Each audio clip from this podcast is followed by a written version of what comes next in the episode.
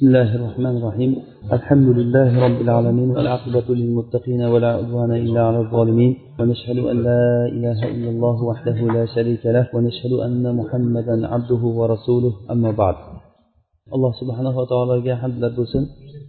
Mana bugun baraka haqidagi darsimizni davom ettiramiz. Hozirgi kunda hammamiz baraka qayerga ketganligi umrimizdan amallarimizdan baraka ketib qolganligidan shikoyat qiladigan bir vaqtda alloh subhanava taolodan biz umid qilamizki umrimizga baraka berishligini rizqimizga farzandlarimizga ilmimizga amalimizga bizni hayotimiz o'zi barakali bo'lishligini alloh subhanava taolodan so'raymiz. Biz aytib o'tdikki barakani aslisi bu ollohdan ekan. Barakani mastari ya'ni kelib chiqishi ollohdan shuning uchun ham barakani ollohdan boshqadan so'rab bo'lmaydi. Alloh taologa muborak deb bo'lmaydi. Balki alloh subhanava taoloni o'zi boshqa narsalarga baraka beruvchi zot. Xuddiki alloh taolo koinotni yaratgani kabi unga rizq berib turgani kabi xuddi shuningdek barakani ham ollohni o'zi beradi. Baraka degani yaxshilikni ko'p bo'lishligi uni sobit turishligi va uni davomiy bo'lishligi xayrli bo'lishlik. Qisqaroq qilib aytganda bizda xayrlisi deb qo'yamiz mana shu yaxshi bo'lishligi degani. Yaratishlikda ollohga boshqa narsalar sherik bo'lmadi. Rizq berishlikda sherik bo'lmadimi? Demak baraka berishlikda ham allohga boshqa narsalar sherik bo'lolmaydi shafoat ham xuddi shunday. Shafoat faqat alloh subhanava taolodan talab qilinadi. Baraka ham faqat alloh subhanava taolodan talab qilinadi. Qur'onda to'qqizta joyda baraka to'g'risida gapirilgan paytda alloh taolo tabarok lafzini keltirdi. Tabarok degani arab tilida barakasi zohir bo'ldi degan ma'noni ifoda qiladi.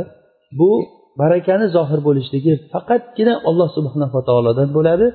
Mana shundan biz anglab yetdikki barakani mastari alloh subhanava taolo ekan. Ollohdan boshqa yerlar bo'lsin yoki odam bo'lsin yoki farishta bo'lsin payg'ambar bo'lsin har qancha ulug' inson bo'lsin u barakalik inson deganligimiz olloh taolo tarafidan unga baraka berilingan odam degani. Baraka olloh tarafidan unga keladi. Iso alayhissalom aytganday dedilar. Men qayerda bo'lsam ham alloh taolo meni barakali qildi dedilar. Demak olloh taolo baraka qilgan. Iso alayhissalom barakali inson. U kishini barakasi qayerdan kelgan? Ollohdan kelgan. Odamlar mana shu bobda juda ham noto'g'ri bir tushunchalarga borib barakani ollohdan boshqadan umid qilib shayxlardan yoki boshqa bir olimlardan yoki olim bo'lmasa ham o'zini olim qilib ko'rsatgan ba'zi bir ilmni davo qilgan kishilar tarafidan baraka kelishligini odamlar umid qilib ularni shaxsidan baraka umid qilishdi. Mana bu narsa barakani asli mohiyatini tushunmaslikdan kelib chiqdi. Yana takror aytamizki baraka alloh taolo yaratgan narsalarda hech bir ollohga sherik bo'lmagani kabi hech narsa barakada ham alloh taologa hech narsa sherik bo'lmaydi. Barakani faqat ollohni o'zi beradi. Bu tushunarli bo'ldi bu masala. Ikkinchi masalamiz barakani aslisi barakani kelishligini aslisi iymon va taqvoga bog'langan ekan. Bu qoida bu. Alloh taoloni ilohiy qoidasi bu narsa. Sunan ilahiya deyiladi. Alloh taolo qur'onda aytadiki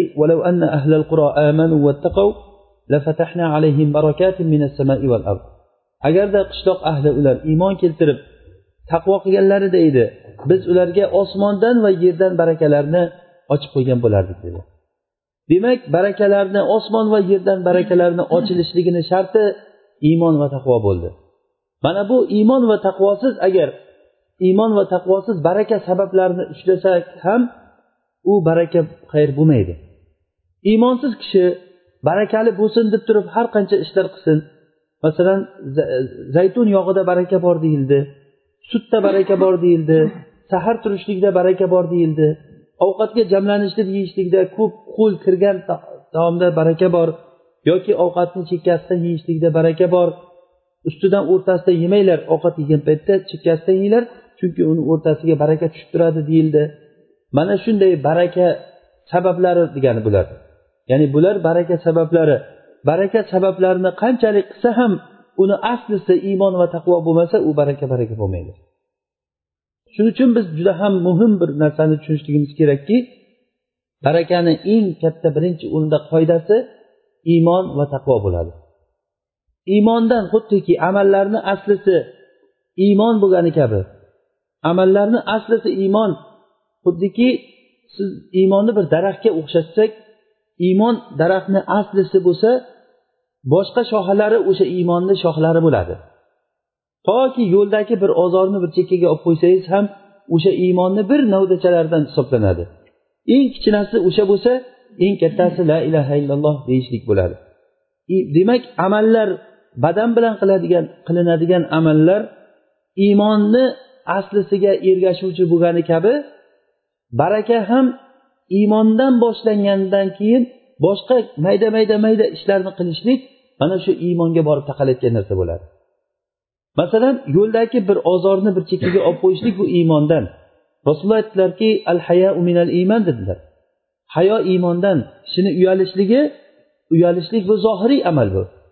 Odam ko'rinish paytida agarda kimda kim uyalmayaptimi uni iymoni o'shanga yarasha iymoni noqis degani uni. Iymoni komil emas uni agar iymoni bo'lganda edi bu odamlar ichida bunday qilib yurmasdi degani. Al hayau minal iymon dedilar. Demak baraka iymonni asli iymon barakani aslisi bo'lganligi uchun o'sha iymonni shoxlari ham barakani shoxlari hisoblanadi. Baraka xayr qanchalik darajada amalimiz ko'payaversa baraka xayr shunchalik darajada ko'payaveradi. Qanchalik amalimiz noqis bo'lgani sari baraka xayr o'shanga yarasha kamayib boraveradi.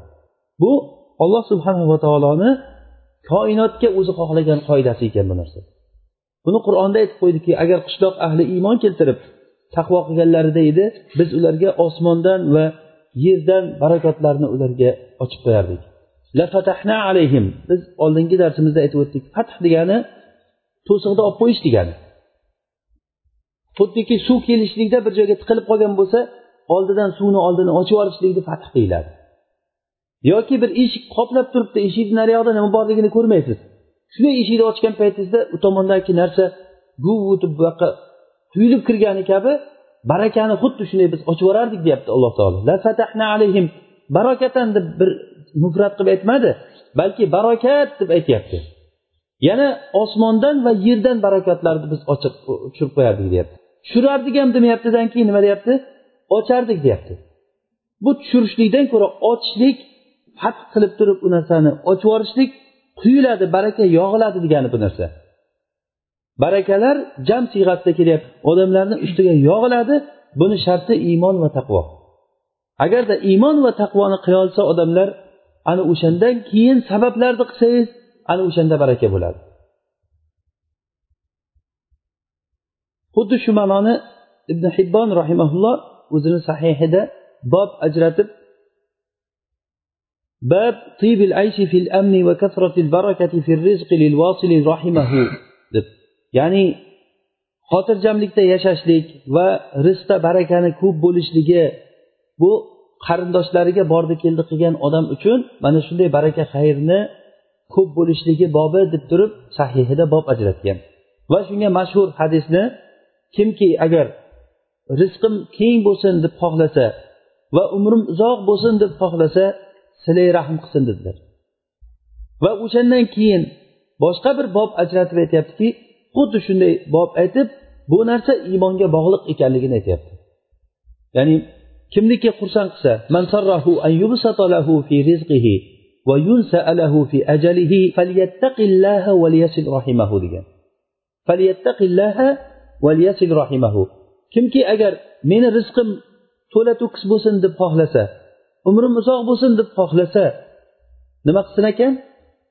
Ollohdan taqvo qilsin va qarindoshiga bordi keldi qilsin degan. Qarindoshga bordi keldi qilishlik iymonni shoxlaridan bir shoxa demak barakani aslisi iymon bo'lgandan keyin qarindoshga bordi keldi qilishlik ham barakani bir shoxlaridan bir shoxa bo'ladi.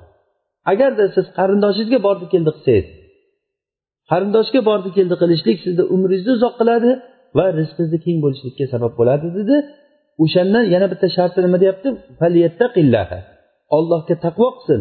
Bu o'sha falyattaqillaha ziyodasi sahih deyilgan ya'ni muhaddislarni aytishi bo'yicha ibn hibbonni sahihida shu sahih ziyoda taqvo qilishligi shart. O'sha taqvodan keyin nima qarindoshiga bordi keldi qilsa buni umri uzoq bo'ladi rizqi keng bo'ladi degani. Hozir biz hammamiz yaxshi ko'ramiz bu narsani. Odamlarni o'zi hayotda bizni qo'rqitayotgan narsa shu o'lib qolmayin rizqim kam bo'lib qolmasin deb qo'rqamiz. Hamma odamni o'zi niyat ana shu dardi shu. Hayotda ko'proq yashayman deydi. Hayotda shunchalikgacha boriladiki inson ularni bittalari agar qo'yib bersa ming yil yashashlikni xohlaydi. Ya'ni u qanaqangi hayot bo'lsa ham u hayotda yashashlikni xohlaydi. Hattoki xorlik bo'lsa ham kasal bo'lib bo'lsa ham har qanchalik ma'siyatlarga botgan hayot bo'lsa ham odamzod o'sha hayotdan ketgisi kelmaydi. Va boshqa odamlardan ko'ra ko'proq yegisi keladi. Birovlar bitta yesa men ikkita yey deydi. Odamlar bir xonali uyda tursa men ikki xonali uyda turishim kerak deydi. Inson o'zi mana shunday yaratilingan. Endi kimda kim shunday bo'lishligini xohlasa uni umri uzoq bo'lishligini xohlasa rizqi keng bo'lishligini xohlasa buni eshigidan kirsin deyapti alloh taolo buni eshigi nima ekan ollohga taqvo qilishlik va hozir buni bitta misoli qarindoshiga bordi keldi qilishlik deyapti allohga taqvo qilishlik va qarindoshiga bordi keldi qilishlik bo'ladi bizni bugungi darsimizni mavzuni asosiy qismi rasululloh sollallohu alayhi vasallamni hadislari imom ahmad rahimalloh va bayhaqiy rivoyat qilgan إن الله عز وجل يبتلي العبد فيما أعطاه فإن رضي بما قسم الله له بورك له فيه ووسعه وإن لم يرضى لم يبارك, لم يبارك له ولم يزد على ما كتب له alloh subhanava taolo bandani bergan narsasida sinaydi deyapti rasululloh sollallohu alayhi vasallam ya'ni berilingan narsada sizga berilingan mol dunyoda sizga berilingan ilmda sizga berilingan kuch quvvatda sizga berilingan farzandlarda sizga berilingan xotinda sizga berilingan kasbda boshqa imkoniyatlaringizda har bir narsada alloh taolo sizni sinaydi. Bu ollohni qoidasi bu. Hech qachon sizlarni xayollaringdan chiqmasinki bu menga berilindi ish tugadi bo'ldi. Meni yaxshiliklarim uchun alloh taolo menga berdi shuni. Alhamdulillah hech narsadan kamim yo'q deb xotirjam bo'lmang bu berilingan narsani endi boshlanadi sizga. Bu sinash uchun berildi u narsa. Alloh taolo sizlarga bergan narsada bandasini sinaydi. Agar olloh unga taqsim qilib bergan narsaga inson rozi bo'lsa u narsaga baraka beriladi va alloh taolo keng qilib qo'yadi uni. Agarda bu odam rozi bo'lmasa unga noshukurchilik qilsa norozi bo'lsa u berilingan narsaga alloh taolo baraka bermaydi va unga berilgan narsadan boshqa ziyoda narsa bo'lmaydi o'zi.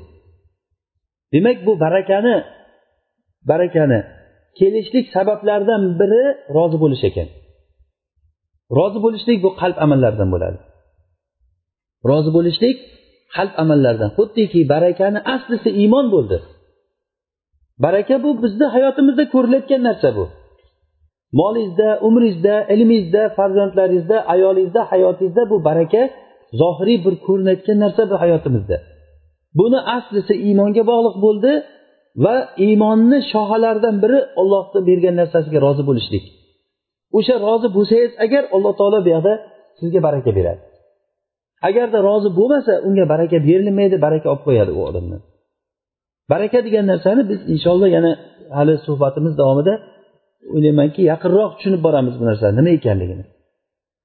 Hozir biz hammamiz hayotda barakani yo'qligidan shikoyat qilamiz. Bitta misoli vaqtimizda baraka yo'q ekanligini hammamiz tan olamiz. Mayli yeb ichishligimizda alhamdulillah kimnidir rizqi keng. Bu narsada hech xotirjamlik bo'lishligi mumkin. Lekin ollohu alam o'sha narsa yetgan narsasi unga baraka bo'lyaptimi? Yo'qmi? Yegan narsasini ollohni toatiga ishlatyaptimi? Yo ollohni masiyatiga ishlatyaptimi uni? Bu tomoni ham olloh biladi uni nima qilayotganligini. Agarda ollohni rizqini yeb ollohga toat qilayotgan bo'lsa u baraka bo'layotgan bo'ladi. Uni qorni to'yib turib xuddiki hayvon yumalab yotganday yumalab yotib ma'siyatga ishlatayotgan bo'lsa u yegan ichgani baraka degani emas bu. Bu narsani o'ylasangiz bu aynan hayvonlarga alloh taolo bergan narsa va kofirlarga bizdan ko'ra ko'proq berib qo'ygan narsa bu. Va o'sha narsani alloh taolo ne'mat demadi uni. Xuddiki qushayri aytganlaridek o'zi asli ibrat ne'matni ko'pligida emas bu. Ne'matni ko'pligida emas balki ne'matni toatga xizmat qilishligida bo'ladi. Ana o'shanda sizga baraka bo'lgan bo'ladi. Mayli biz yeb ichishlikda baraka bor deb o'ylaylik ham. Lekin vaqtda baraka yo'qligini hammamiz tan olgan narsa bu. Qanday qilib turib peshin namozdan xufton namozi bo'lganini bilmay qolasiz. Ozroq o'tirasiz yotish bo'ladi bir uxlaysiz turasiz bomdod bo'ladi. Bir aylangin yana bir hafta o'tgan bo'ladi. Haftadan hafta oydan oy umrimiz o'tib ketib boryapti. Baraka ketyapti. Hayot ketyapti baraka yo'q. Biz hammamiz shu barakani qaytarishlikka harakat qilmoqchi bo'lyapmiz endi. Shu kasallikni bu kasal bu dardni qaytarishlikka harakat qilyapmiz. Lekin harakat qilgan paytimizda bizdan ko'pchiligi ollohni qadariga norozi bo'lib turib harakat qilyapti. Baraka xayr ko'tarilib ketgan deb shikoyat qilyapmiz. O'sha shikoyat qilishligimiz bu rozi bo'lmaslikka olib keladi. Vaholanki barakani qaytib kelishligi uchun nima qilish kerak ekan? Rozi bo'lish kerak ekan. Biz kasallikka davo bo'layotgan narsani ichishni o'rniga kasallikka ziyoda qilayotgan narsani ichib shikoyat qilyapmiz. Kasal bo'lib ketdim juda yo'talyapman deb yaxday suv ichaversa bir kishi juda yo'tal tutyapti deb yana yaxday suv ichaversa qo'y yo'talaydigan bo'lsang yaxday suv ichmagin uni bir unga zid bo'layotgan boshqa bir ishlarni qilishliging kerak. Sen o'ranib yot undan ko'ra uyingga borib deydimi aqlli odam? Demak barakani qaytarishlik uchun barakani biz eshigidan kirishligimiz kerak. Ana o'sha eshiklardan biri baraka eshiklaridan biri bu nima ekan? Alloh subhanava taoloni bergan narsasiga rozi bo'lishlik bo'ladi. Ollohni berganiga rozi bo'lgan kishi qazoyi qadarga rozi bo'lgan odamdan bo'ladi bu narsa? Shuning uchun ham qazo qadarga rozi bo'lishlikni iymonni rukunlaridan bir rukuni qildi shariat. Ollohga iymon keltirishlik maloikalarga iymon keltirishlik va payg'ambarlarga kitoblarga qiyomat kuniga va qazo va qadarni yaxshisi va yomoniga iymon keltirishlik dedik. Alloh taolo sizga nimaniki qazo qadar qilib xohlagan bo'lsa shunga alhamdulillah deb rozi bo'lishingiz kasal bo'lasizmi? Yoki bir pulingizni yo'qotib qo'yasizmi? Farzandingizdan ajralib qolasizmi? Yoki sizga farzand berilmas balkim. Va hokazo va hokazo mana shu narsalarga biz rozi bo'lishligimiz iymonni rukni bu. Agar u odam rozi emas bo'layotgan bo'lsa agar shu qadarga iymon keltirmayotgan bo'lsa iymonni rukunlaridan bir rukun yo'q degani unda. Bu qarab ko'rib turganingizdek juda ham bir xatar masala bu. Biz rozi bo'lishligimiz qalbimizdan ollohni berganiga rozi bo'lishligimiz bizga baraka keltirayotgan narsa ekan. Albatta bu iymon va taqvodan keyingi narsa bu. Allohga iymon keltirib taqvo qilganingizdan keyin baraka sabablaridan eng kattasidan biri ollohni berganiga rozi bo'lishlik bo'ladi. Birodaringizga agar alloh taolo bir ne'mat bergan bo'lsa siz unga hasad qilsangiz uni yomon ko'rsangiz bu degani ollohni qadariga g'azab qilyapsan degani bu. Go'yoki bu siz holat tilingiz bilan aytyapsizki men bundan ko'ra ziyodarog'iga loyiq edimu lekin alloh taolo menga bermay bunga berib qo'yibdi deganday bo'lmaydimi bu? Xuddi shiyalar aytgani kabi alloh taolo vahiyni aliga jo'natgan ekan jibril xato qilib turib muhammadga olib kelib beribdi ekan deydi. Bu nima degan gap bu? Bu yerda xato hech qanday ayb yo'q ayb jibrilda deydi. Vahiyni olib kelib xato qilib turib aliga olib kelib berishdi o'rniga muhammadga olib kelib bergan. Asli ali bo'lishi kerak edi deydi. Shayton bundan ko'ra odamlarni qanday yo'ldan ozdirishlikni eng oson yo'lini qarang qanchalik darajada. Xalq millionlagan xalq shu narsaga e'tiqod qiladi. Bu nima degan gap bu? Alloh taolo shunchalik darajada adashadi deyishligi uni. Birovga berilgan ne'matga hasad qilgan odam ham agar tili bilan aytmasa ham lekin holati bilan gapirib turadiki olloh o'zi asli menga berishi kerak edi lekin bunga berib qo'ydi deganday bo'lmaydimi? Go'yoki bu odam o'zini gumonicha hamma yaxshilikka haqliman deb o'ylaydi. Mana shu haqliman deb o'ylashlik kasalligi kofirlarni shunchalik darajada kofir badqoqligiga botishligiga olib keldi. Hattoki payg'ambarlarga vahiy kelgan paytda bu kim bo'libdi bu payg'ambar bu bu yaxshilik kelayotgan bo'lsa bizga kelmaydimi avval dedi ular go'yoki ularni gumonicha ular yaxshilikka haqliyu ulardan boshqa odamlar abadul abidin doim bularni orqasidan qul bo'lib ergashib yurish kerak bo'lganday. Alloh taolo odamni qalbini ko'zini ko'r qilsa mana shunday bo'lib qoladi. Odamga alloh taolo uzun vaqt ko'p ne'mat berib turaversa kasal bo'lmasa boylikda qiyinchilik bo'lmasa doim boshliq bo'lib turib rais bo'lib turib yuraversa men shu narsaga loyiq ekanman deb o'ylab qoladi odam.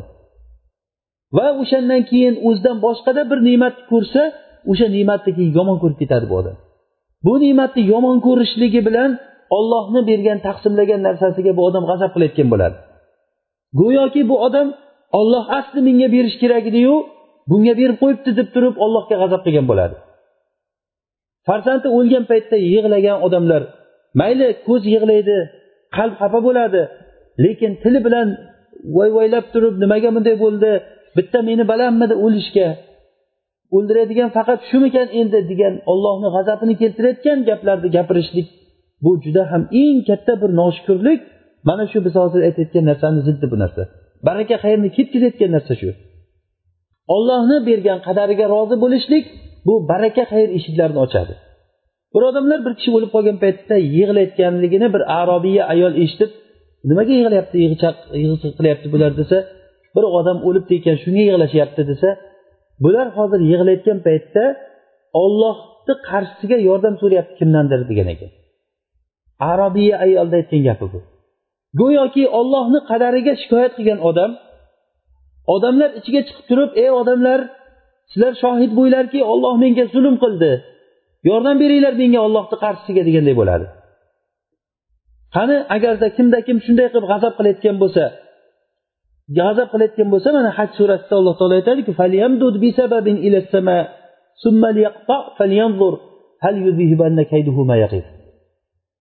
qani osmonga bir itni orqonni baylasindan keyin shu orqon bilan osilib chiqsinda o'sha ne'matni kesib tashlasin qo'lidan kelsa. Agarda kimda kim yomon ko'rayotgan bo'lsa alloh taolo ba'zi bir insonlarga berayotgan xayrini yomon ko'rayotgan bo'lsa achchig'i kelayotgan bo'lsa osmonga bir arqon bog'lasindan keyin osilib chiqib shu yaxshilik kelayotgan eshikni kesib uzib tashlasin yaxshilik tushmay qolsin o'sha odamlarga. Qani qo'lidan keladi biz ibrohim oilasiga biz barakotlar berdik. Oldingi darsimizda aytgandik ibrohimga berilingan barakotni qanchalik ekanligini. U kishini barakasidan farzandlari qiyomat kunigacha payg'ambar bo'ldi. U kishini barakasidan farzandlaridan qiyomatgacha bo'layotgan imomlar shu kishini farzand zurriyatlaridan bo'ldi. Shu kishini barakasidan shu kishini qo'li bilan baytullohni qurishlik u kishiga nasib qildi. Shu kishini barakasidan u kishini o'zi qiyomat kunigacha odamlarga butun hamma toifa odamlarga qudva imom bo'ldi. Odamlar u kishini maqtaydigan bir insonga aylandi. Nima sababdan? Sababi bitta shu qalbi ollohga ochib qo'yganligi edi. Biz agar shu xayr barakaga qaytmoqchi bo'lsak bittayu bir eshigi shuki mana shu qalbni eshigidan kirib borishligimiz kerak. Birinchi o'rinda iymon va taqvodan keyin mana shu hozirgi aytayotgan narsalarimizni qilishligimiz kerak. Bugungi aytayotganimiz nima ekan? Ollohni bergan narsasiga rozi bo'lishlik bo'ladi. Ollohni berganiga rozi bo'lishlik baraka keltiradi. Buni bitta misoli ummu sulaym. Ummu sulaym bilasizlar abu talhani xotini.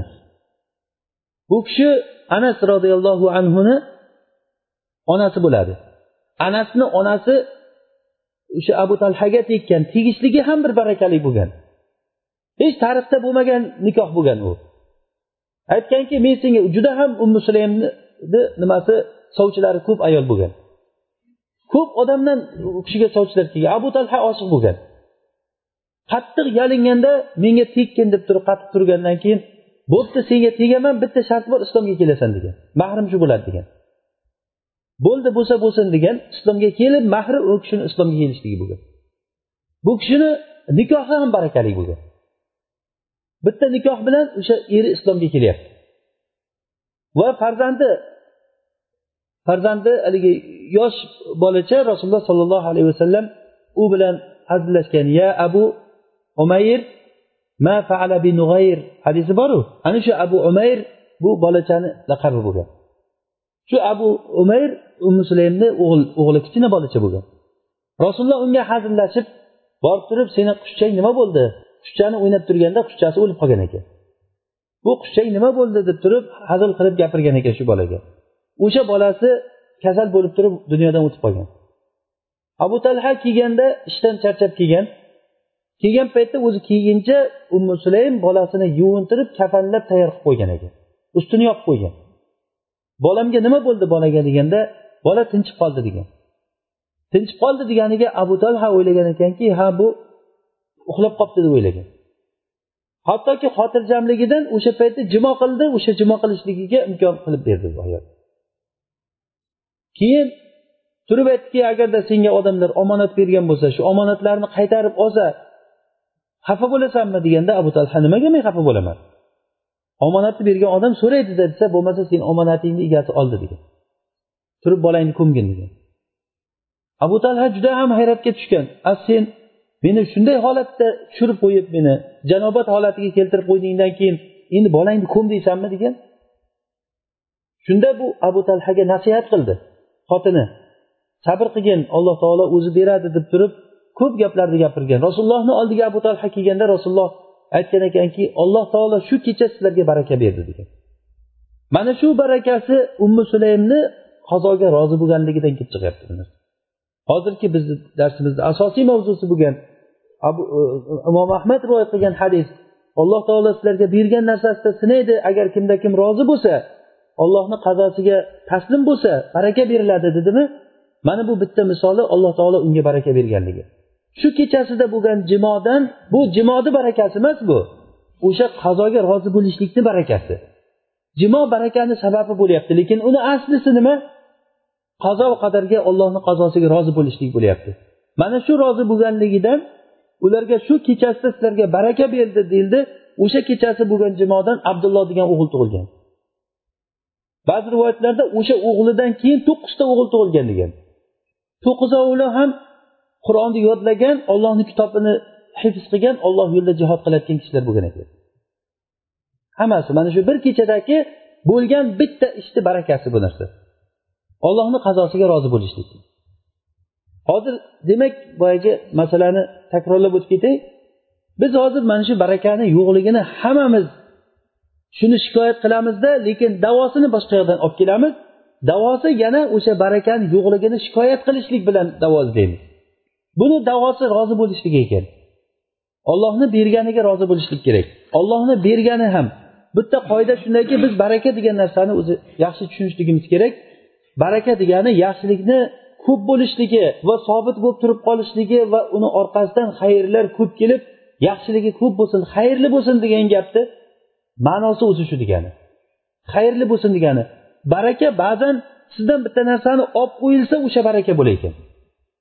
Chunki uni olmasa o'sha sizga yomonlik bo'ladi. Xuddiki sizni badaningizdan bir chiqayotgan sizga ortiqcha bo'lgan bir kasallikni kesib tashlasa nima bo'ladi? Yaxshi bo'ladimi? Yomon bo'ladimi agar shu turaversa sizni badaningiz battar ziyoni ko'payib ketsa shuni ketkazishlik baraka bo'ladi. Uyingizda bir hidi chiqadigan sassiq bir narsa sizni uyingizda o'rtasiga turib qolgan bo'lsa sizni birinchi qilayotgan ishingiz shuni nima bo'lsa ham yo'qotish bo'ladi. Shuni yo'qotib ketkazgandan keyin yaxshi bo'ldi deysiz. Buni misoli hazir alayhissalom muso alayhissalom bilan birga safarga chiqqan paytda bir bolani o'ldirdi hizr alayhissalom. Muso alayhissalom aytdiki sen hech ayb qilmagan bir bolani o'ldirding juda yomon ish qilding sen deganda keyin uni hikmatlarini aytib bergan paytda bu bola asli kofir qilib yaratilgan. Bu bola agar yashasa ota onasini ham kofir qilib yuborishligidan biz qo'rqdik. Alloh taolo xohladiki buni ketkizib o'rniga alloh taolo yaxshisini berishligini xohladi. Shu bolani o'lishligi ota onasiga baraka bo'ldimi bo'lmadimi? Demak baraka degani ba'zan bitta farzand ketishligi bilan uni o'rniga boshqa bir farzandni alloh taolo berar ekan. Yoki bo'lmasa bitta farzandni olsa o'sha farzanddan boshqalari fosiq bo'layotgan bo'lsa o'sha bola olishligi bilan ular solihga aylanib ular yaxshi bo'lib ketib qolar ekan. Bu narsani agar o'xshatish ta'bir joiz bo'lsa men daraxtga o'xshataman buni. Xuddiki bir olma daraxtini ekkan dehqon olmani shoxlarini kesib uni shoxlarini kamaytirib turadi. Shu yaxshi yaxshi shoxalarni qarab turgan tushunmagan odamga qarab o'tirsa haligi qaychi bilan kesgan paytingizda odamni ichi achiydi o'shani kesgisi kelmaydi. Biz bir olma bog' qilgan paytimizda bir kishi kesuvchi kelib o'rgatgandi. Mana bularni kes bitta arra bilan qaychini olib turib shu avaylamasdan kesib tashlabdi boya olma daraxtini. Avaylamasdan hech narsa qoldirmay kesdi ichim hech nima qolmadiyu bu. Qarasangiz shunday bir cho'ntoq bir narsa qoladi. Lekin ana shu kesishligi qolgan narsalar uchun baraka bo'ladi. Demak alloh taolo ba'zi narsalarni sizdan olib qo'yadi bu ollohni ixtiyori bo'ladi. Siz ollohni ixtiyoriga taslim bo'ling chunki siz mo'min odamsiz. Shikoyat qilmang dod voy solmang. Ba'zi paytda sizni qorningiz och qolib qolishligi siz uchun yaxshiroq bo'ladi. Ba'zi paytda sizga hech narsani bo'lmay qolishligi. Ba'zi paytda dushmanlarga bizni mag'lub bo'lishligimiz kerak bo'lsa biz uchun yaxshilik bo'lishligi mumkin. Biz u narsani bilmaymiz. Shuning uchun ham sizlar bir narsani yaxshi ko'rarsizlar u narsa o'zi asli yomon bo'ladi. Bir narsani yomon ko'rasizlar. Aslisi u yaxshi bo'ladi. Sizlar bilmaysizlar olloh biladi dedi alloh taolo. Asa an tuhibbu shay'an wa huwa sharrun lakum va asa an takrahu shay'an wa huwa khayrun lakum vallohu ya'lamu va antum la ta'lamun. Olloh biladi sizlar bilmaysizlar. Alloh taoloni ixtiyoriga taslim bo'ling. Alloh taolo bizni shaklimizni mana shunday bo'lishligimizni ixtiyor qildi. Bizni mana shunday yurishligimizni ixtiyor qildi alloh taolo. Agar shu holatingizga rozi bo'lsangiz alloh taolo sizga baraka beradi. Shu berilingan narsaga baraka beradi. Baraka bo'lganda siz hozir rozi bo'lib turaychi qani ertaga ko'ramiz qani nima bo'lar ekan. Ko'payib ketamikan deb o'ylasangiz barakani tushunmagan bo'lasiz. Baraka o'sha narsa uni inshaalloh holatini kerak bo'lsa qiyomat kunida ham ko'rasiz uni barakasini. Allohga hamd aytib yuborasizki menga juda ham bergan ekansan o'zingiz. Rumaysa binti milhan o'sha ummu sulaym ismlari rumaysa binti milhan u kishi umma harom binti milhanni opasi. Umma harom bilasizlar rasululloh sollallohu alayhi vasallam u kishini uylarida uxladilar ko'zini yumib kulib ko'zlarini ochdilar. Nimaga kuldingiz ey rasululloh deganda men ummatimni xuddiki kemada haligi tojda o'tirganday haligi taxtada o'tirganday podsholarday kemada ketayotganligini jihod qilib ketayotganligini ko'rdim deganda ey rasululloh duo qiling men o'shalardek bo'lay degan sen o'shalardansan degan o'sha alloh taolo nasib qilib kemaga birinchi bo'lib turib ketuvchilar bilan mujohidlar bilan kemaga minib kemadan tushish paytida shahid bo'lgan ekan. O'shani opasi bu ham rumaysa ham shahid bo'lgan. Demak baraka deganda bir narsani tushundikki siz o'zingiz ixtiyor qilgan narsa sizda qolishligi baraka degani emas bu. Baraka degani qachon cho'ntagingizga qo'lingizni solsangiz shu chiqarganingizda pul chiqishligi degani emas bu. Tushunarlimi? Baraka degan narsa biz tushungan narsadan ko'ra umumroq tushuncha bu. Umumroq ba'zi paytlarda bu takror aytamiz ba'zi paytlarda bir yaxshilikni sizdan olib qo'yishlikni o'zi siz uchun nima? Baraka bo'ladi xuddiki daraxtni bir shoxasini kesganday bo'ladi. O'shani kesmasa u daraxt umuman qolmaydi unda. Bir hosil beradida olma pishishdan sal oldinroq hamma shoxasi sinib ketadi. Mevasini ko'tara olmasdan. Mevalar yaxshi bo'lmaydi ham u shoxalari sinib ketadi. Uni mevasi zo'r bo'lishligi uchun samarali bo'lishligi uchun o'zini hosilni o'zi ko'tarib tura olishligi uchun uni kamaytirish kerak shoxalarini. Ba'zan mana shunday bo'lishligi mumkin. Ba'zan alloh taolo bir insonga juda ham ko'p farzandlar beradi. Masalan anas roziyallohu anhuga rasululloh sollallohu alayhi vasallam duo qilganlar alloh senga baraka bersin. Alloh taolo seni molingga baraka bersin. Olloh seni ilmi e, umringga baraka bersin.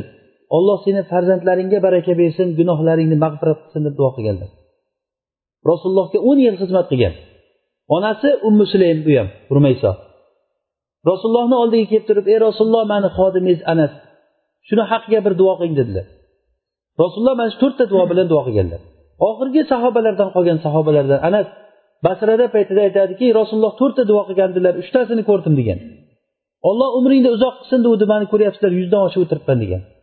Olloh molingga baraka bersin degan edi molimga baraka berdi ko'ryapsizlar. Hammani bog'i bir marta meva bersa meni bog'im ikki marta meva beryapti degan. Basrada eng boy kishilardan bo'lgan. Alloh taolo farzandlaringga baraka bersin degandi farzandlarini ko'pligi buyog'i masjidga kirib ketaversa buyog'i uydan chiqib ketavergan. Yetti yuzta bo'lgan uyda yetti yuz kishi. O'zini farzandlaridan bir yuz nechtasini o'zini farzandlaridan bir yuz nechtasini o'z qo'li bilan qabrga qo'ygan ekan. Kishi o'zini farzandini o'zidan oldin kuzatib yuborishligi bu juda katta baraka narsa ekan. Umar ibn abdulaziz roziyallohu anhu rahimaulloh bu kishi o'g'li abdul malik o'lgan paytda qabrga qo'yib aytgan ekan o'g'liga. O'sha qabriga qo'ygan paytda aytgan ekanki men shu o'g'lim tug'ilgandan boshlab yashab hozirgacha biror marta o'g'limdan norozi bo'layotgan narsa ko'rmadim degan. Lekin eng xursand bo'lgan kunim hozirgi paytim degan ekan. Alloh taolo men menga mana shu o'g'lim orqali baraka berishligini mendan oldin havuzga borib meni kutib olishligini xohlayman degan ekan. Bu narsa katta bir ne'mat bu. Farzandlari shunchalik anasni ko'p bo'lgan moli dunyosi ko'p bo'lgan umri yuzdan oshib ketgan to'rtinchisi gunohingni mag'firat qilsin deganida umid qilib o'tiribman robbimga yo'liqsam inshaalloh ko'raman degan umid qilaman o'sha narsani degan. Gunohlaringni mag'firat qilsin degan. Bu narsa rasulullohni barakatlaridan rasulullohdek kishini atrofida yurgan odamlar hech qachon ular mosuvo bo'lmagan. Mosuvo deymizmi? Ularni qanday holatdan qanday holatga chiqarib qo'ydi rasululloh sollallohu alayhi vasallam? Ularni qanday holatdan o'lim yeydigan o'zini qizlarini olib borib ko'madigan bir biri bilan urushadigan qadr qiymatni zarracha ham bir hidi ham kelmaydigan odamlarni qanday xalqqa aylantirib qo'ydi rasululloh sollallohu alayhi vasallam? Mana bu rasululloh sollallohu alayhi vasallamga berilgan barakat va rasul rasululloh orqali bu ummatga berilgan barakat bu. Degan alloh taolo. Rasululloh sollallohu alayhi vasallam biz uchun rahmat bo'ldi. Yana bir baraka sabablaridan biri sidiq. To'g'ri gapirishlik bu baraka keltiradi. Baraka keltiradi hozirgacha bilganimiz rozi bo'lishlik. Ollohni qazo qadariga rozi bo'lishlik edi. Olloh uchun sidiq bo'lib turib turishlik ham rost gapirishlik bu baraka keltiradi. rasululloh sollallohu alayhi vasallam aytdilar al bayyanu bil xiyari al bayyanu bil xiyari ma lam yatafarraqa فإن صدقا وبينا بورك لهما في بيعهما وإن كتما وكذبا محقت بركة بيعهما ikkita bay qiluvchi odam savdo qiluvchi odam ikkovsi bir biri bilan ajralib ketmaguncha ular ixtiyorda bo'ladi men sizga bir narsa sotsam hali ikkovimiz bo'ldi bo'ldi deb turib bo'ldi roziman roziman deb turib boshqa gapga o'tmaguncha yoki bir mazhabda ular badani bilan ikkovi boshqa boshqa yoqqa qarab ajralib ketmaguncha ixtiyorda bo'ladi men bayni buzsam bo'ladi deydi. Bay qiluvchi odamlar ixtiyorda bo'ladi to bir biridan ajralguncha. Agarda shu bay qilish paytida agar to'g'ri gapirsa ayblarini ochiq bayon qilsa ochiq bayon qilsa ularni bayiga alloh taolo baraka beradi. Mana bu ochiqga o'tiribdi siz sotgan narsangizda sotib bir narsani pul olsangiz olgan pulingiz barakali bo'ladi u odamni olgan narsasi u uchun barakotli bo'ladi. Bu savdo qilishlikni barakasi shunda savdoni baraka savdo o'zi tijoratda deymizku unday gap mutlaq noto'g'ri u gap. Tijoratda baraka bor deganligi emas balki nima deyishligimiz kerak? Tijoratda rost gapirishlikda baraka deyishligimiz kerak. Tijorat qilganda hamma tojir ham barakali degani emas bu. Mayli puli ko'p bo'lishligi mumkin lekin bebaraka bo'lishligi ham mumkin u. Biz xuddi oldin aytganimizdek baraka degani pulni ko'p bo'lishligi degani emas bu. Bir odam aytadi alloh taolo meni suyadi. Ishim rivojlangan mani ko'ryapsiz oldin bitta do'kon bilan ish boshlagandim hozir mani beshta do'kon bo'ldi deyishligi mumkin. Lekin bu beshta do'kon degani minib yuradigan moshinasi beshta bo'ldi degani turadigan uyi beshta xonadon bo'ldi degani bu degani barakali bo'ldi degani emas bu. O'sha narsasi ertaga o'zini bo'g'zidan olishligi mumkin u narsa hali turib turib. U o'ziga ziyon bo'lgan narsani yig'ib yotgan bo'lsachi u odam? Xuddiki uyda haligi sassiq narsani uyiga olib kelib yig'ayotgan odamga o'xshaydi. Axlatni bunday qo'pollatganimizda. Chunki harom narsa u shunga o'xshatishdan boshqa narsa emas. Olib kelib uyga yig'ib yig'ib yig'ib qo'yaversada u odam xursand bo'lsa ikki moshin axlat yig'dim deb. Uch moshin bo'ldi axlatim hozir mani uylarim axlatga to'ldi deb maqtansa buni kim xursand bo'ladi? Odamlar kuladi uni ustidan. Haromdan olib kelib yig'ib to'dalagan odamlar axlat bo'lsa ham yaxshi edi agar axlat bo'lsa chiqarib tashlab qutuladi lekin u haromda chiqarib tashlab ham qutulmaydi uni. Shuning uchun ham uni oti zamb deyildi. Arab tilida zanbun degani zanab degani dum degani. Zambun degani gunoh degani gunoh bilan dumni bir biriga o'xshashligi bor. Dum sohibiga qancha hech qanday qolmay ergashib yursa gunoh ham o'zini sohibidan qolmay ergashib yuradi. Toki u bilan borib qabrga kiradi. Toki o'sha pulni nohaq olgan odamlardan rozi qilib turib ularga egalarini rozi qilish kerak bu narsada hasan al basriy rahimaulloh aytgan ekanlar agarda sizlar biz tajriba qilganimizdek tajriba qilib ko'rsanglar biz qancha narsalarni tajriba qildik va tajriba qilayotgan boshqa odamlar ham tajriba qilib yetib borgan narsamiz shuki bandaga alloh taolo sabrdan ko'ra foydaliroq narsani rizqi bermagan ekan. Qaysiki bir banda bir ne'matdan mahrum bo'lsa alloh taolo unga sabrni bergan bo'lsa o'shandan ko'ra yaxshiroq narsani unga alloh taolo beradi degan. Bu tajribadan kelib chiqib gapirilgan gap bu.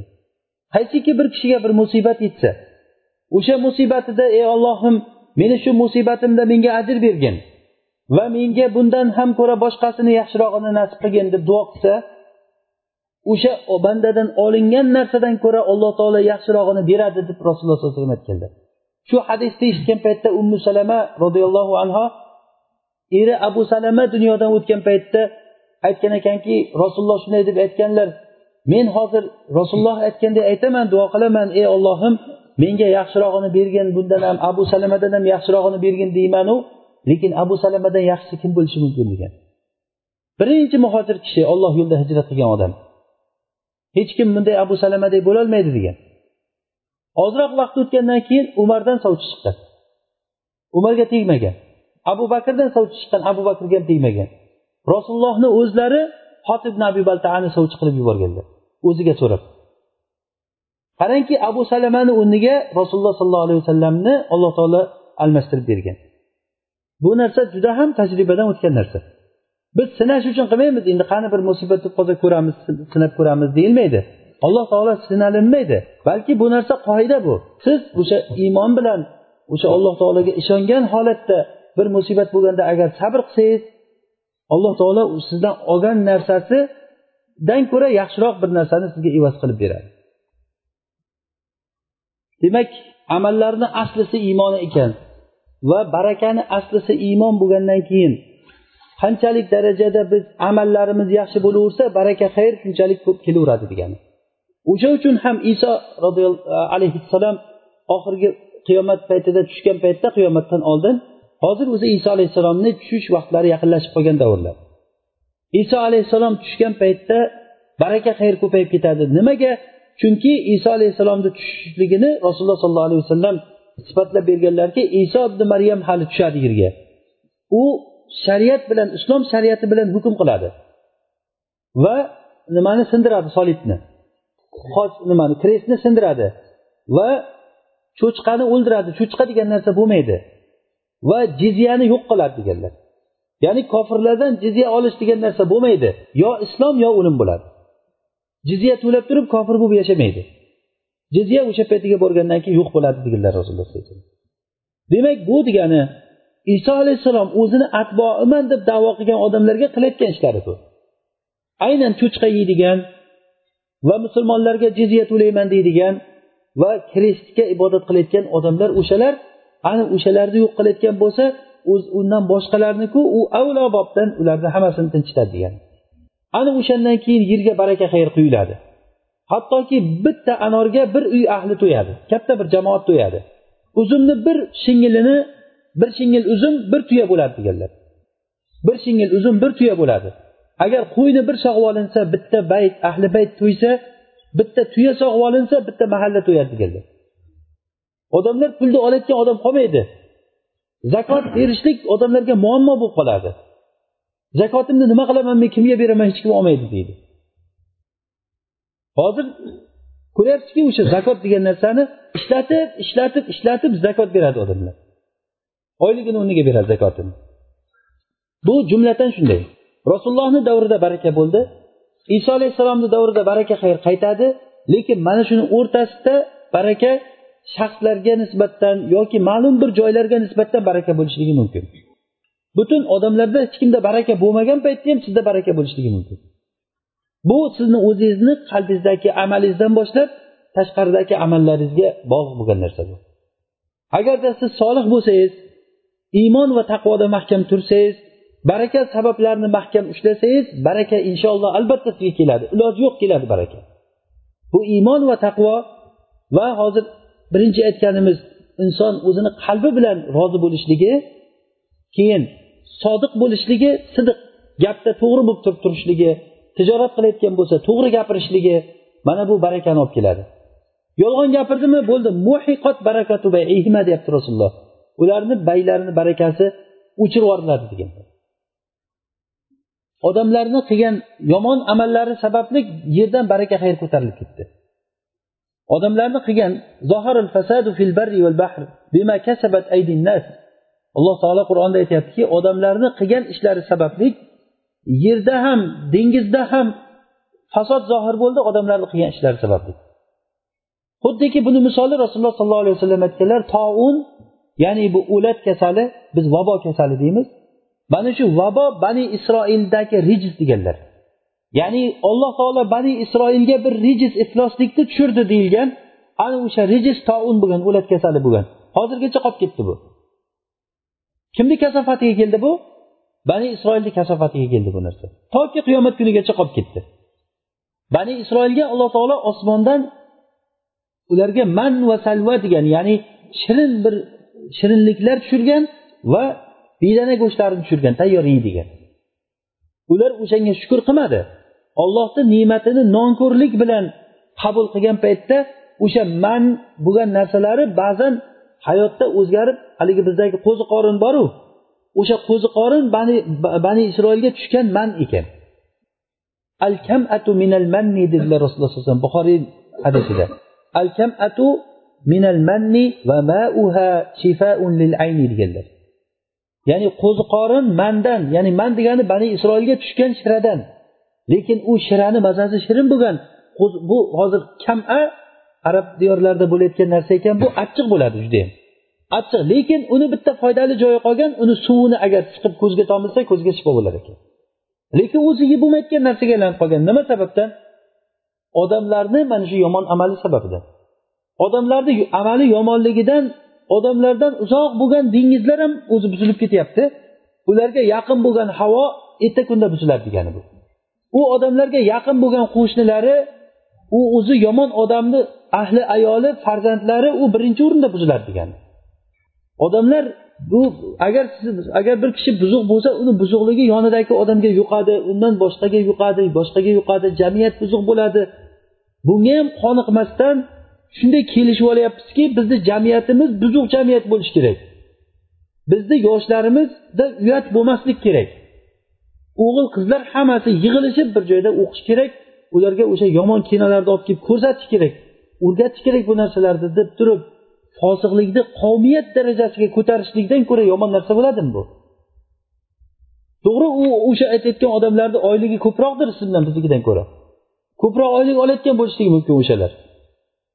Lekin fosiqlikni ular bitta odam emas bu qavmiyat darajasiga chiqarib qilyapti innahum kanu qavman fasiqin degan oyatdagi ular fosiq qavm bo'ldi ular. Ya'ni ular jamoaviy shaklda fosiq hisoblanadi. Bir xil paytlarda jamoatda uyaliniladi bir gap gapirilishligi shuning uchun ham masalan bir mansabdagi odamlar jamoatni ichiga chiqib gapirgan paytda juda ham odamgarchilikdan yaxshi gaplardan gapiradi ular. Uyaladi u yerda. Yomon gaplarni gapirishlikka. Endi o'shanaqangi buzuq gaplar fohish gaplar odamlarni ichida zohir bo'lib turib u qavmiyat darajasida bo'lsa unga nima deysiz endi unga? Mana shu ishlari sababli butun hayotda fosiqlik bo'ldi fasod hosil bo'ldi. Ularni suvlar buzilib ketdi havo buzilib ketdi. Deyapti qur'onda. Quruqlikda va dengizda fasod zohir bo'ldi. Demak siz hozirgi fasodni agar bitta taroziga qo'ysak va shu fasodni kelib chiqish sababi nima ekan? Odamlarni fosiqlik qilishligi ekan. Odamlarni fosiqlik qilishligini bitta taroziga qo'yib bu fosiqlikdan kelib chiqqan barakani ketishligini bitta taroziga qo'ysangiz o'sha har bir ketgan baraka har bir kelgan fasod bilan nima birma bir kelaveradi. Tushuntira olyapmanmi? Ya'ni ketadigan baraka keladigan fasod miqdorchalik bo'ladi. Demak shu jamiyatda siz agar o'sha fasodni bir burchagi bo'lib tursangiz siz uchun ham bu yoqda fasoddan nimalardir bo'lyapti degani. Agar siz jamiyatda salohiyatga intilsangiz siz sababdan mana shu yoqdagi fasod qanchadir protsent kamayyapti degani bu. Buni misoli rasululloh sollallohu alayhi vasallam aytdilarki olim kishiga hamma narsa istig'for aytadi hattoki dengizdagi baliqlar istig'for aytadi dedilar. Chumolilar o'zini uyasida turib istig'for aytadi olim kishiga. Bu chumoli o'zini uyasida baliq dengizni tagidagi baliq tili yo'q bo'lgan narsa. Tili yo'q bo'lgan narsalar istig'for aytadi olim kishini haqqiga. Nima sababdan? Chunki u o'shalarni suvi buzilmasligi ularga fasod kelmasligiga sababchi bo'layotganlar olimlar bo'ladi. Olim kishini xalq ichida isloh uchun harakat qilib yurishliklari odamlarga yaxshilikni tushuntirishligini yaxshiligi o'shalarga borib tegadi. Al jazau min jinsil amal. Ular yaxshilikka tegyaptimi? Ular biz odamlarga o'xshamaydi ular. Yaxshilikni olib turib nonko'rlik qilib ketavermaydi. Ular o'sha yaxshiligiga yaxshilik bilan javob qaytarar ekan. Demak bu olim kishini barakasi hattoki o'sha chumoli eng olimdan uzoq bo'lgan kavagini ichidagi chumolilar u olimdan qancha uzoq oldiga ham kelmaydi uni ko'rinmaydi ham. Dengizdagi baliqlargacha yetib boryaptimi uni atrofidagi odamlarga qanchalik bo'ladi? Uni atrofidagi odamlarga uni xayr barakasi odamlarga yetib boraveradi.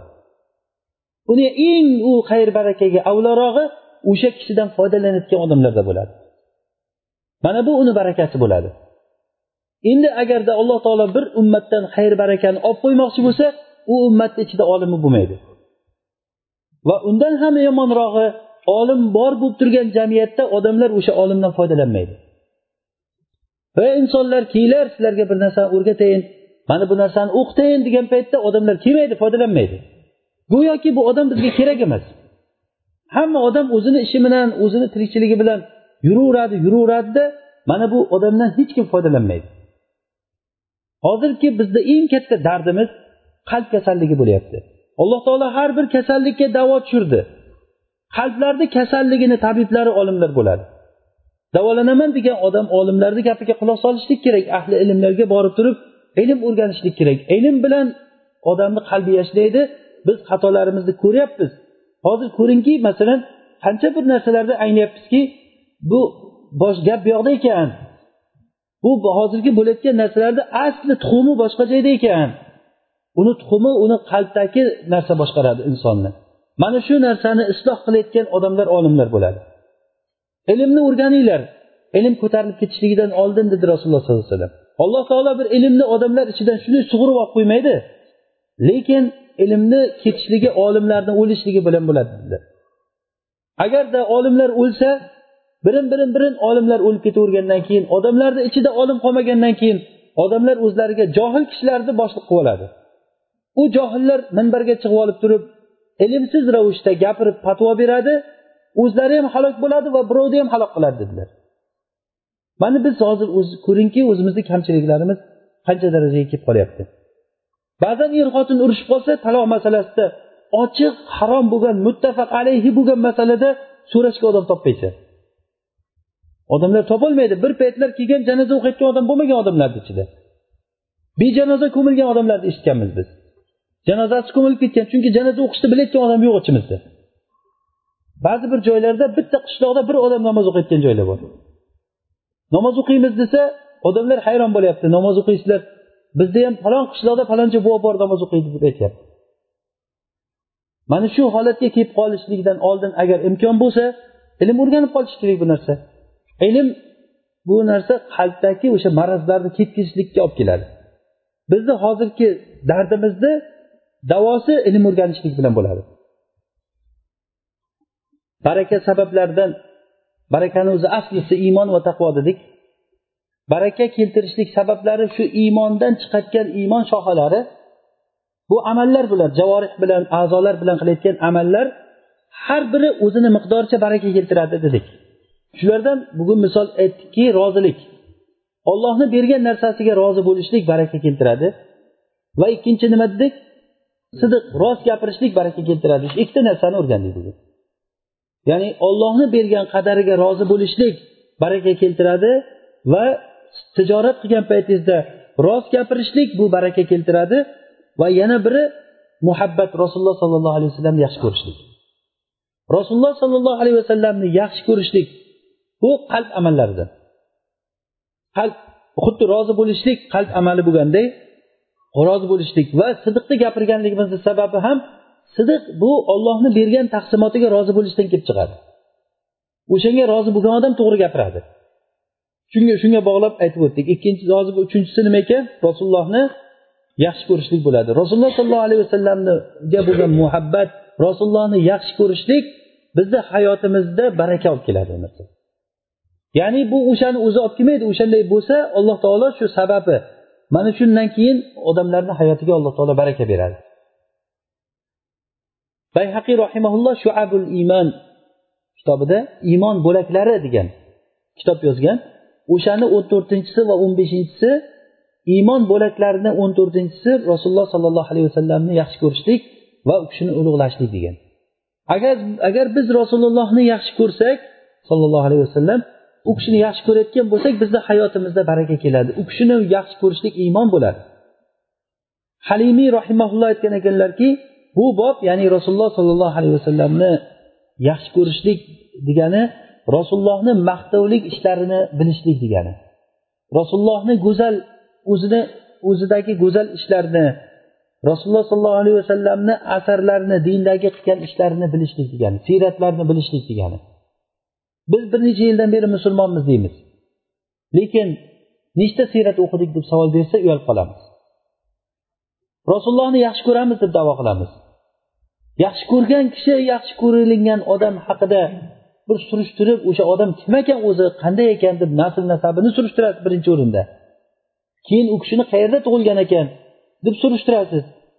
Nima ishlar qilgan ekan nimalar degan ekan gapiring shu kishi haqida deb turib rasululloh haqida gapirilgan paytda ko'zlariga yosh keladigan odam bo'lishimiz kerak edi aslida bizlar lekin bir necha yildan beri iltizomda yurgan odamlar bu hamma emas bu ba'zi kishilar bir qancha yildan beri iltizomdaman deydi lekin rasulullohni siyratlarida nima o'qiding desa bilmaymiz hech narsani rasululloh necha yoshda dunyodan o'tdilar? Necha yoshda u kishiga vahiy keldi? Necha yoshda bu ishni qildi? Necha yoshda bu ishni qildi desak biz qiziqmaymiz bu narsalar bilan. Bu narsalar muhabbatdan paydo bo'layotgan narsa. Kim agar birovni yaxshi ko'rsa oddiy bir futbolchilarni ismini biladi bolalar. Qayoqdagi umuman boshqa millatdagi odamlar ular. Boshqa odamlar ular sahobalarni ismini shunchalik bilmaymiz. Rasulullohni nechta xotinlari bor kimlar o'shalar sanang?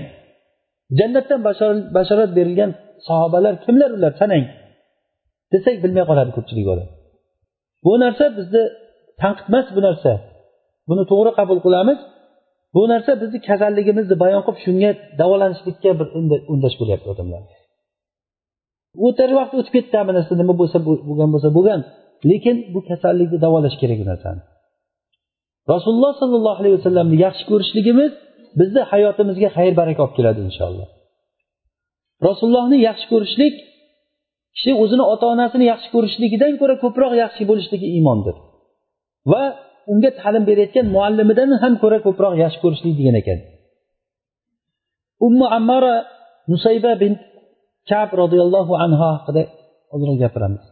Nusayba yoki nasiba ikki xil o'qilingan bu kishini ismlari. Bu kishi nabiy sollallohu alayhi vasallam bilan birga bayatul aqabada qatnashgan. Bayatul aqaba bilasizlar madinadan rasululloh makkada qiynalib yurgan paytlarida madinadan yetmishta kishi kelib turib rasulullohga bayat qilgan. U bayati shu bo'lganki biz sizni o'zimizni diyorimizga olib ketamiz. O'zimizni va ahli ayollarimizni nimadan himoya qilgan bo'lsak shu narsadan himoya qilamiz. Hech qachon sizni bu dushmanlarga topshirib qo'ymaymiz. Buni evaziga siz da'vatni shuni orasida siz da'vatni tarqatasiz iymonni tarqatasiz odamlarga.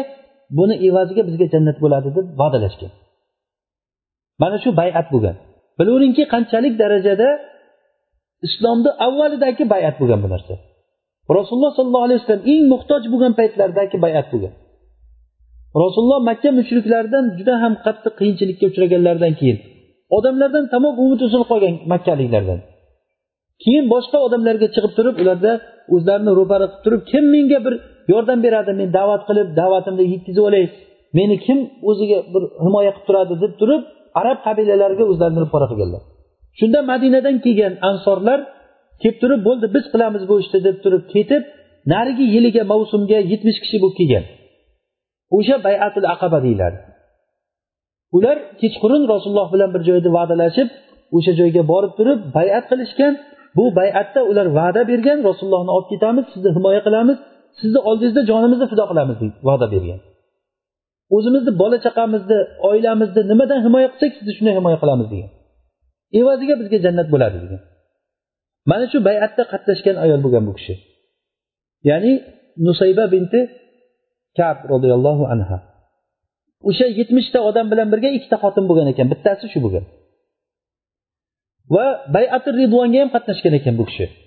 Bayati ridvonni bilasizlar hudaybiyada rasululloh sallallohu alayhi vasallam bir yarim ming kishiga yaqin kishi umra qilamiz deb kelgan paytda u yerda kofirlar kirmaysizlar makkaga degan usmonni yuborgan elchi qilib turib usmon o'ldi degan gap chiqqan usmonni ushlab qamab qo'ygan ular.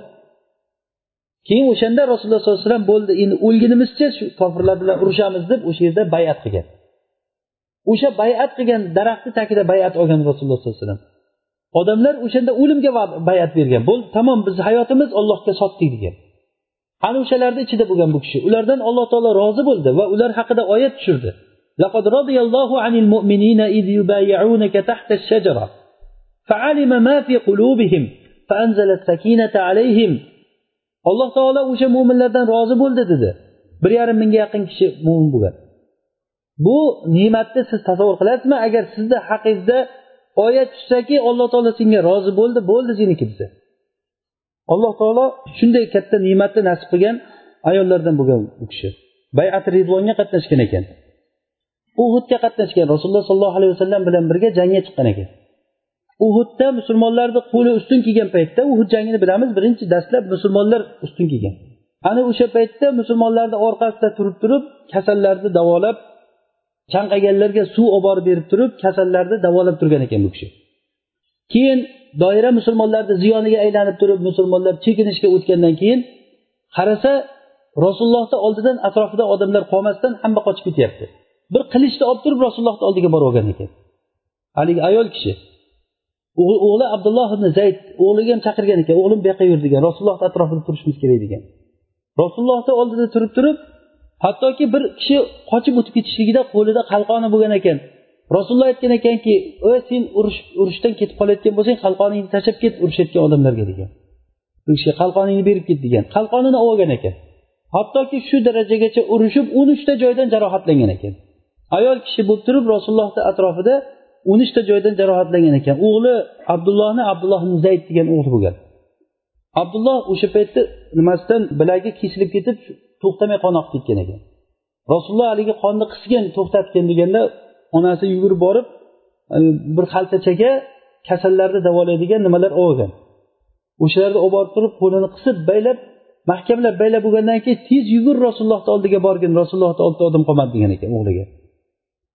Keyin borib o'sha o'sha onasi bilan ikkalasi rasulullohni oldida qattiq turgan o'shanda kofirlardan bittasi kelib turib shu nimasiga orqa tarafiga yelkasiga qilich bilan qattiq urganda juda chuqur jarohatlanib jarohatlangan ekan ayol. Rasululloh sollallohu alayhi vasallam uni holatini ko'rib turib sizlar qanaqangi ahli baytsizlar degan ekan. Sizlarni qilayotgan ishlaringni faloncha falonchalar qilolmadi degan ekan. Uni o'zi ayolni o'ziga ham maqtov aytgan ekan sizlarga alloh taolo baraka berdi degan ekan. O'sha ahli baytga shunda buni eshitib haligi nusayba yoki nasiba rasul ey rasululloh duo qiling degan ekan. Meni haqimga duo qiling men jannatda sizga qo'shni bo'lib turay degan ekan. Rasululloh sollallohu alayhi vasallam aytganiday qilib duo qilganda bo'ldi menga boshqa hech nima kerak emas shundan keyin dunyoda menga nima bo'lsa ham menga farqi yo'q degan ekan. Qanaqangi musibat desa ham boylik kelami kambag'alchilik kelami hech narsaga qaramadim degan ekan. Xuddiki o'sha niyat qilgan narsasiga yetib bo'lganday bo'lgan. Mana shu ishlarini o'sha xotin kishi bo'lib turib ayol kishi bo'lib turib hatto o'lishligi ham u kishini o'sha birinchi bo'lib turib mujohidlar kemada jihodga chiqqan paytda birinchilardan bo'lib o'shalar bilan chiqqan ekan. Chiqib o'sha birinchi mujohidlarni safida shahid bo'lgan ekan ayol. Mana shunday rasulullohni yaxshi ko'rganligidan rasulullohni atrofida yurib shu darajagacha yetgan. Hattoki jannatda rasululloh bilan birga turishlik sharafiga muyassar bo'lyapti. Bu nima bilan rasulullohni yaxshi ko'rganligida. Rasululloh duo qildilar fil deb turib ahli baytga duo qilgan ekanlar. Ey ollohim ularni meni jannatda meni hamrohim qilgin jannatda birga turadigan qilgin men bilan deb.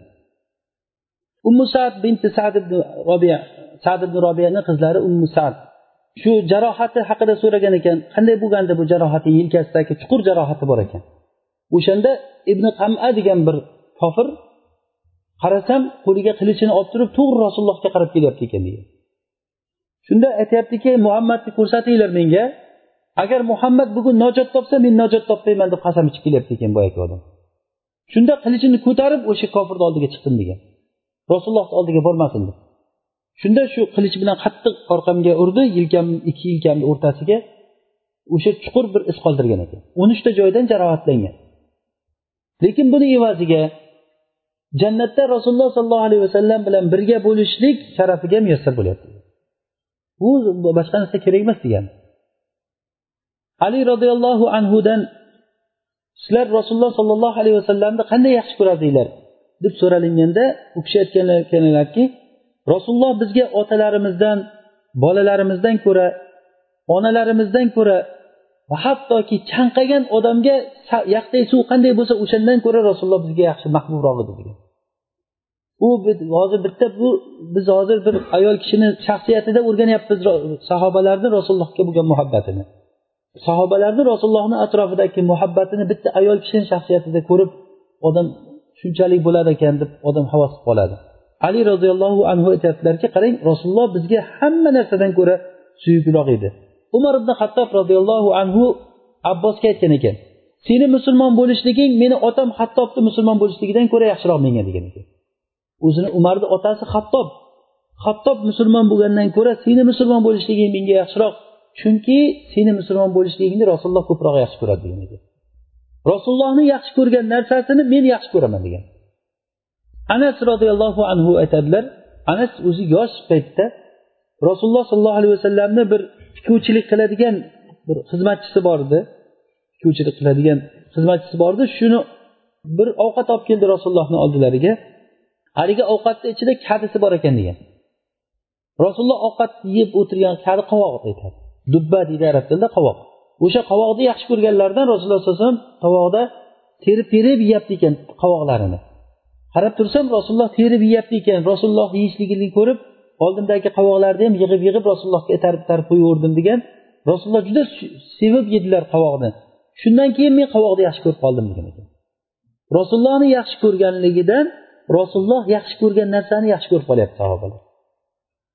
Amr ibn os roziyallohu anhu aytadilar. O'lim hozir bo'lgan paytda kishi o'laydigan paytda aytgan ekanlarki men rasululloh sollallohu alayhi vasallam eng ulug'lagan odam eng yaxshi ko'rgan odam rasululloh edi. Lekin rasulullohga to'yib qaralmaganman hech qachon degan ekan. Ulug'laganligimizda o'zi yaxshi ko'rardim qarab o'tirishlikni lekin tik qarashga uyalardik degan.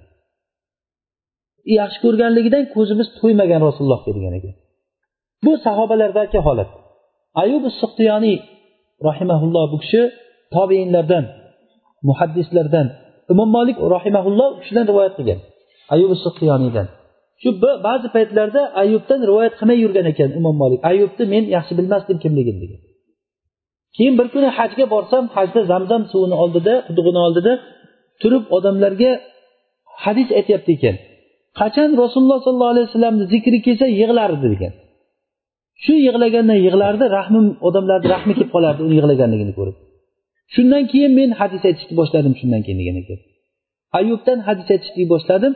Men hadis aytgan odamlarni ichida eng afzali shu ayub degan ekan sababi o'sha rasulullohni yaxshi ko'rganligini ko'rib bu kishi.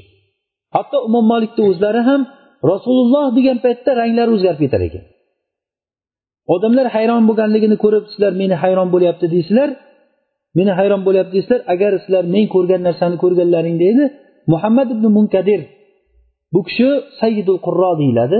Qorilardan ham muhaddis bo'lgan. Muhammad ibn munkadir shu kishini men hadis aytganligini ko'rgandim.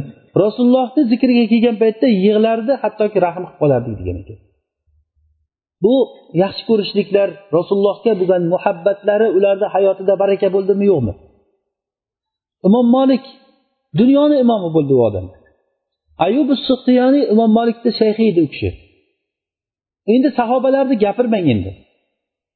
Boyagi nusayba binti kab roziyallohu anhoni holatini endi ahli baytini uni qo'yavering uni nima bo'lganligini.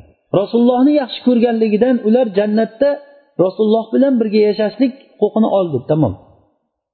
Ali roziyallohu anhu amr ibn osni oling umar ibn hattobni oling. Rasulullohga bo'lgan muhabbatlari ularga barakadan boshqa narsa keltirmadi.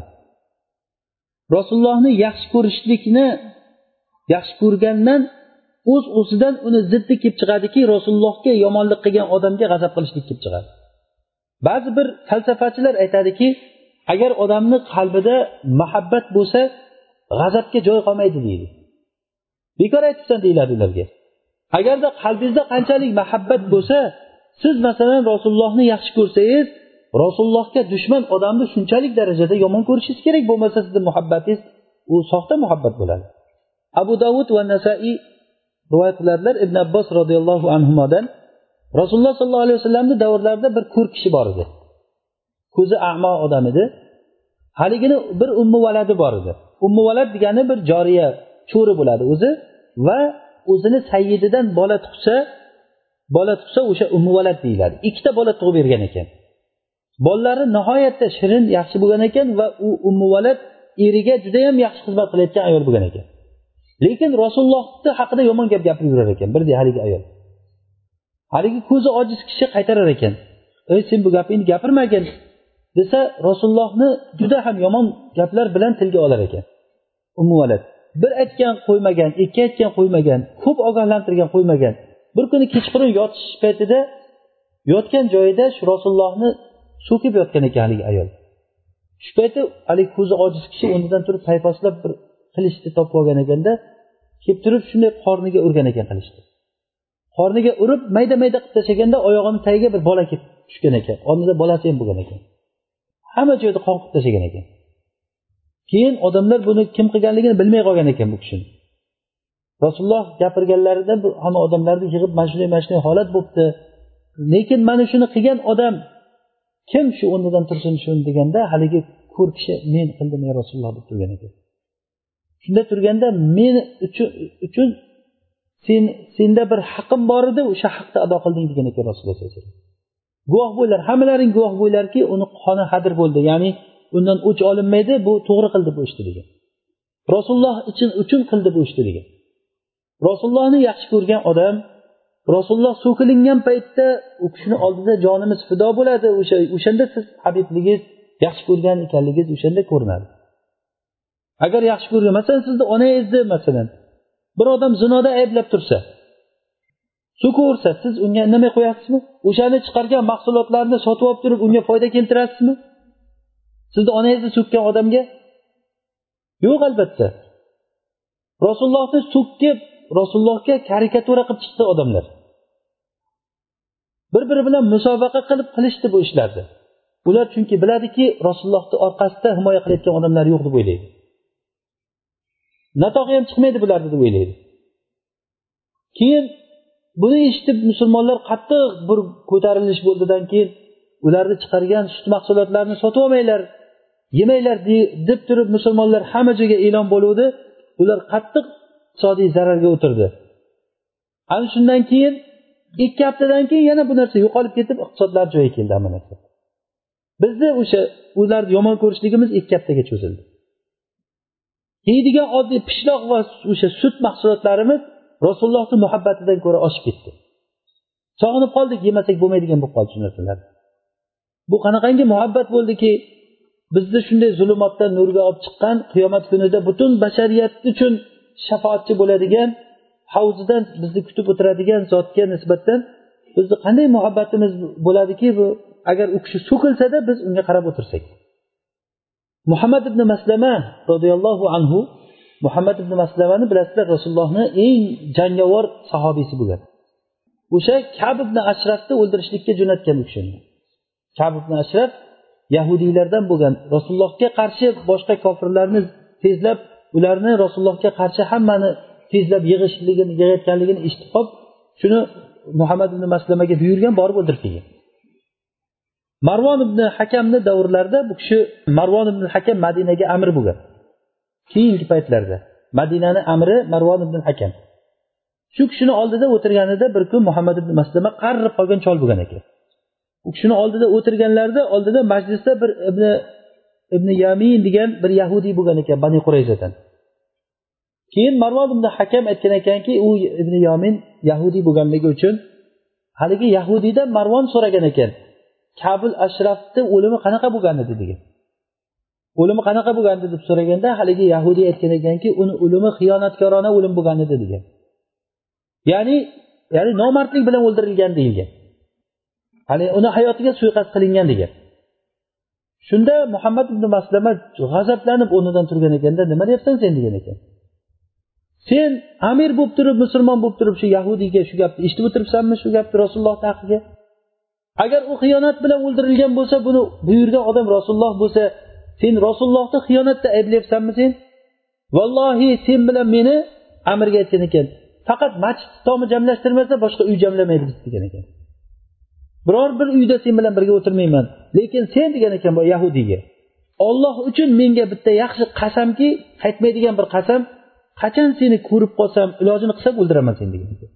Qarri chol aytgan ekan bu gapni haligi yahudiy doim bundan qo'rqib yurar ekan. Hatto bani qurayzani agar madinaga bormoqchi bo'lsa avval odam yuborar ekan muhammad ibn maslama yo'qmi deb.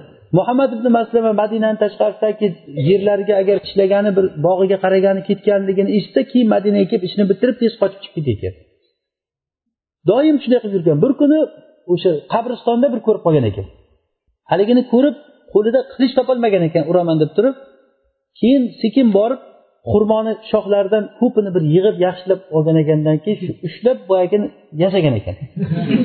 Shu urgandan urganda boyagi haligini ibn yominni sog' joyi qolmagan ekan. Ko'plar sinib sinib ketgan ekan.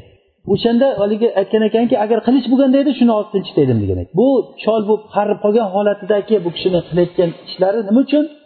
Rasululloh sollallohu alayhi vasallam uchun bo'lyapti ibn hajar rahimaulloh zikr qiladilar mug'ullar tatar mo'g'ul tatarlar bizni islom millatiga bostirib kelib turib ular musulmon bo'lgan eshitganmiz bilamiz tarixdan. Lekin islomi yaxshi bo'lmagan ularni. Haligi musulmonlarni bosib olib turib bosqinchi bo'lib turib islomga kirganlar shular. Musulmonlarni xulqini ko'rib yaxshiligini ko'rib musulmon bo'lib ketgan. Lekin islomi unchalik yaxshi bo'lmagan o'zlarini johiliy aqidalarini olib kirgan ular. O'shalardan bitta amiri nasoro diniga o'tib ketgan ekan. Bir kuni majlisda o'tirganda bir yigit kelib turib rasulullohni so'ka boshlagan ekan. Haligi amirni rozi qilishlik uchun. Rasulullohni so'kib turgan joyida o'sha qo'riqchi itlardan biri kuchuklardan biri yugurib kelgan ekanda bir sakrab shuni bo'ynidan ushlab shunday halqumini yulib olgan ekan haligi kuchuk. O'sha holatni ko'rib to'rt yuzta odam islomga kelgan ekan. Hatto rasulullohni so'kilishligiga itlar ham chidab turolmaydi. Mo'minlarku hech qachon bu narsaga yo'l qo'ymaydi inshaalloh. Bu oxirgi gapimiz inshaalloh bugungi darsimizni xulosasi demak baraka kelishligi bu aslisi iymon va taqvo bo'ladi. Qanchalik darajada biz iymon va taqvo kuchaygan sari baraka xayr ko'payib boraveradi. Iymonni shoxalari o'zini hammasi o'zini bir barakasini yog'diradi. Shulardan biri ollohdan rozi bo'lishlik olloh bergan narsalardan rozi bo'lishlik bu baraka keltiradi. Xuddiki ahmad rivoyat qilgan hadisda aytganimizdek yoki sidiq bilan to'g'ri gapirishlik. Agarda ular to'g'ri gapirsa bayon qilsa alloh taolo baylariga baraka beradi dedi rasululloh sallallohu alayhi vasallam. Demak sidiq bilan gapirishlik baraka keltiradi va rasululloh sollallohu alayhi vasallamni yaxshi ko'rishlik bu ham qalb amallaridan bu ham baraka keltiradi. Alloh taolo bizni umrimizga baraka bersin ilmimizga baraka bersin farzandlarimizga butun hayotimizga o'zi baraka bersin. Mana shu eshitgan narsalarimizni bu faqatgina biz nazariy jihatdan aytib qo'yish uchun aytganimiz yo'q bu narsani. Aqida tutib bu narsani o'zimizni hayotimizda amal qilishlik uchun hayotimizda ko'rinishligi uchun gapirilyapti bu narsalar. Avvalambor o'zimizga bu narsa keyin boshqalarga. Agar biz qanchalik yaxshi isloh bo'lsak jamiyat shunchalik isloh bo'lib ketaveradi.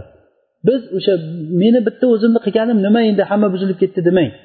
Chunki fasod mana bu yoqdagi o'sha fasod qilgan odamlarni barakani ketishligi shu fasodni miqdoricha bo'lyapti dedik qanchalik darajada fasod ko'paysa baraka ham shuncha ko'p ketadi demak biz fasodni qo'limizdan kelgancha yo'qotsak shu miqdorchalik nima baraka yana o'z o'rniga kelaveradi وسبحانك اللهم وبحمدك نشهد أن لا إله إلا أنت نستغفرك ونتوب إليك